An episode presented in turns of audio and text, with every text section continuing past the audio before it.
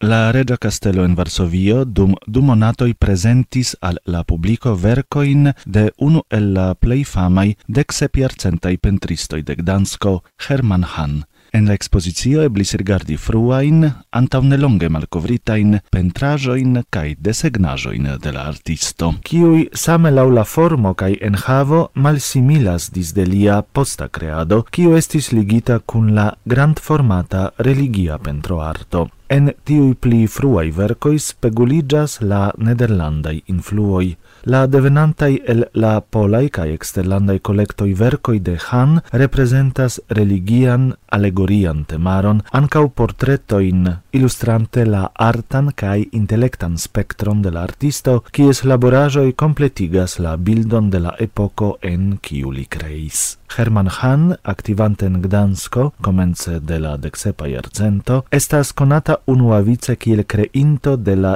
tiai artvercoi kiel cron surmeto al la plei Sancta Maria Virgulino en la catedrala basilico en Pelplin, cae de similtema pentrajo en la flanca altaro de la archicatedralo en Oliva. Essenza elemento de la expositio dedicita al Hermann Hahn estas la historia Gdansko mem, la plei granda tiam metropolo de la centra orienta Europo, cosmopolita, comerza centro, Spezanta pesanta ankaŭ per